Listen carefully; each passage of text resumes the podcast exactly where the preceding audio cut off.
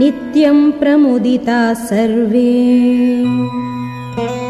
यथा कृतयुगे तथा अश्वमेधशतैरिष्ट्वा तथा बहु सुवर्णकैः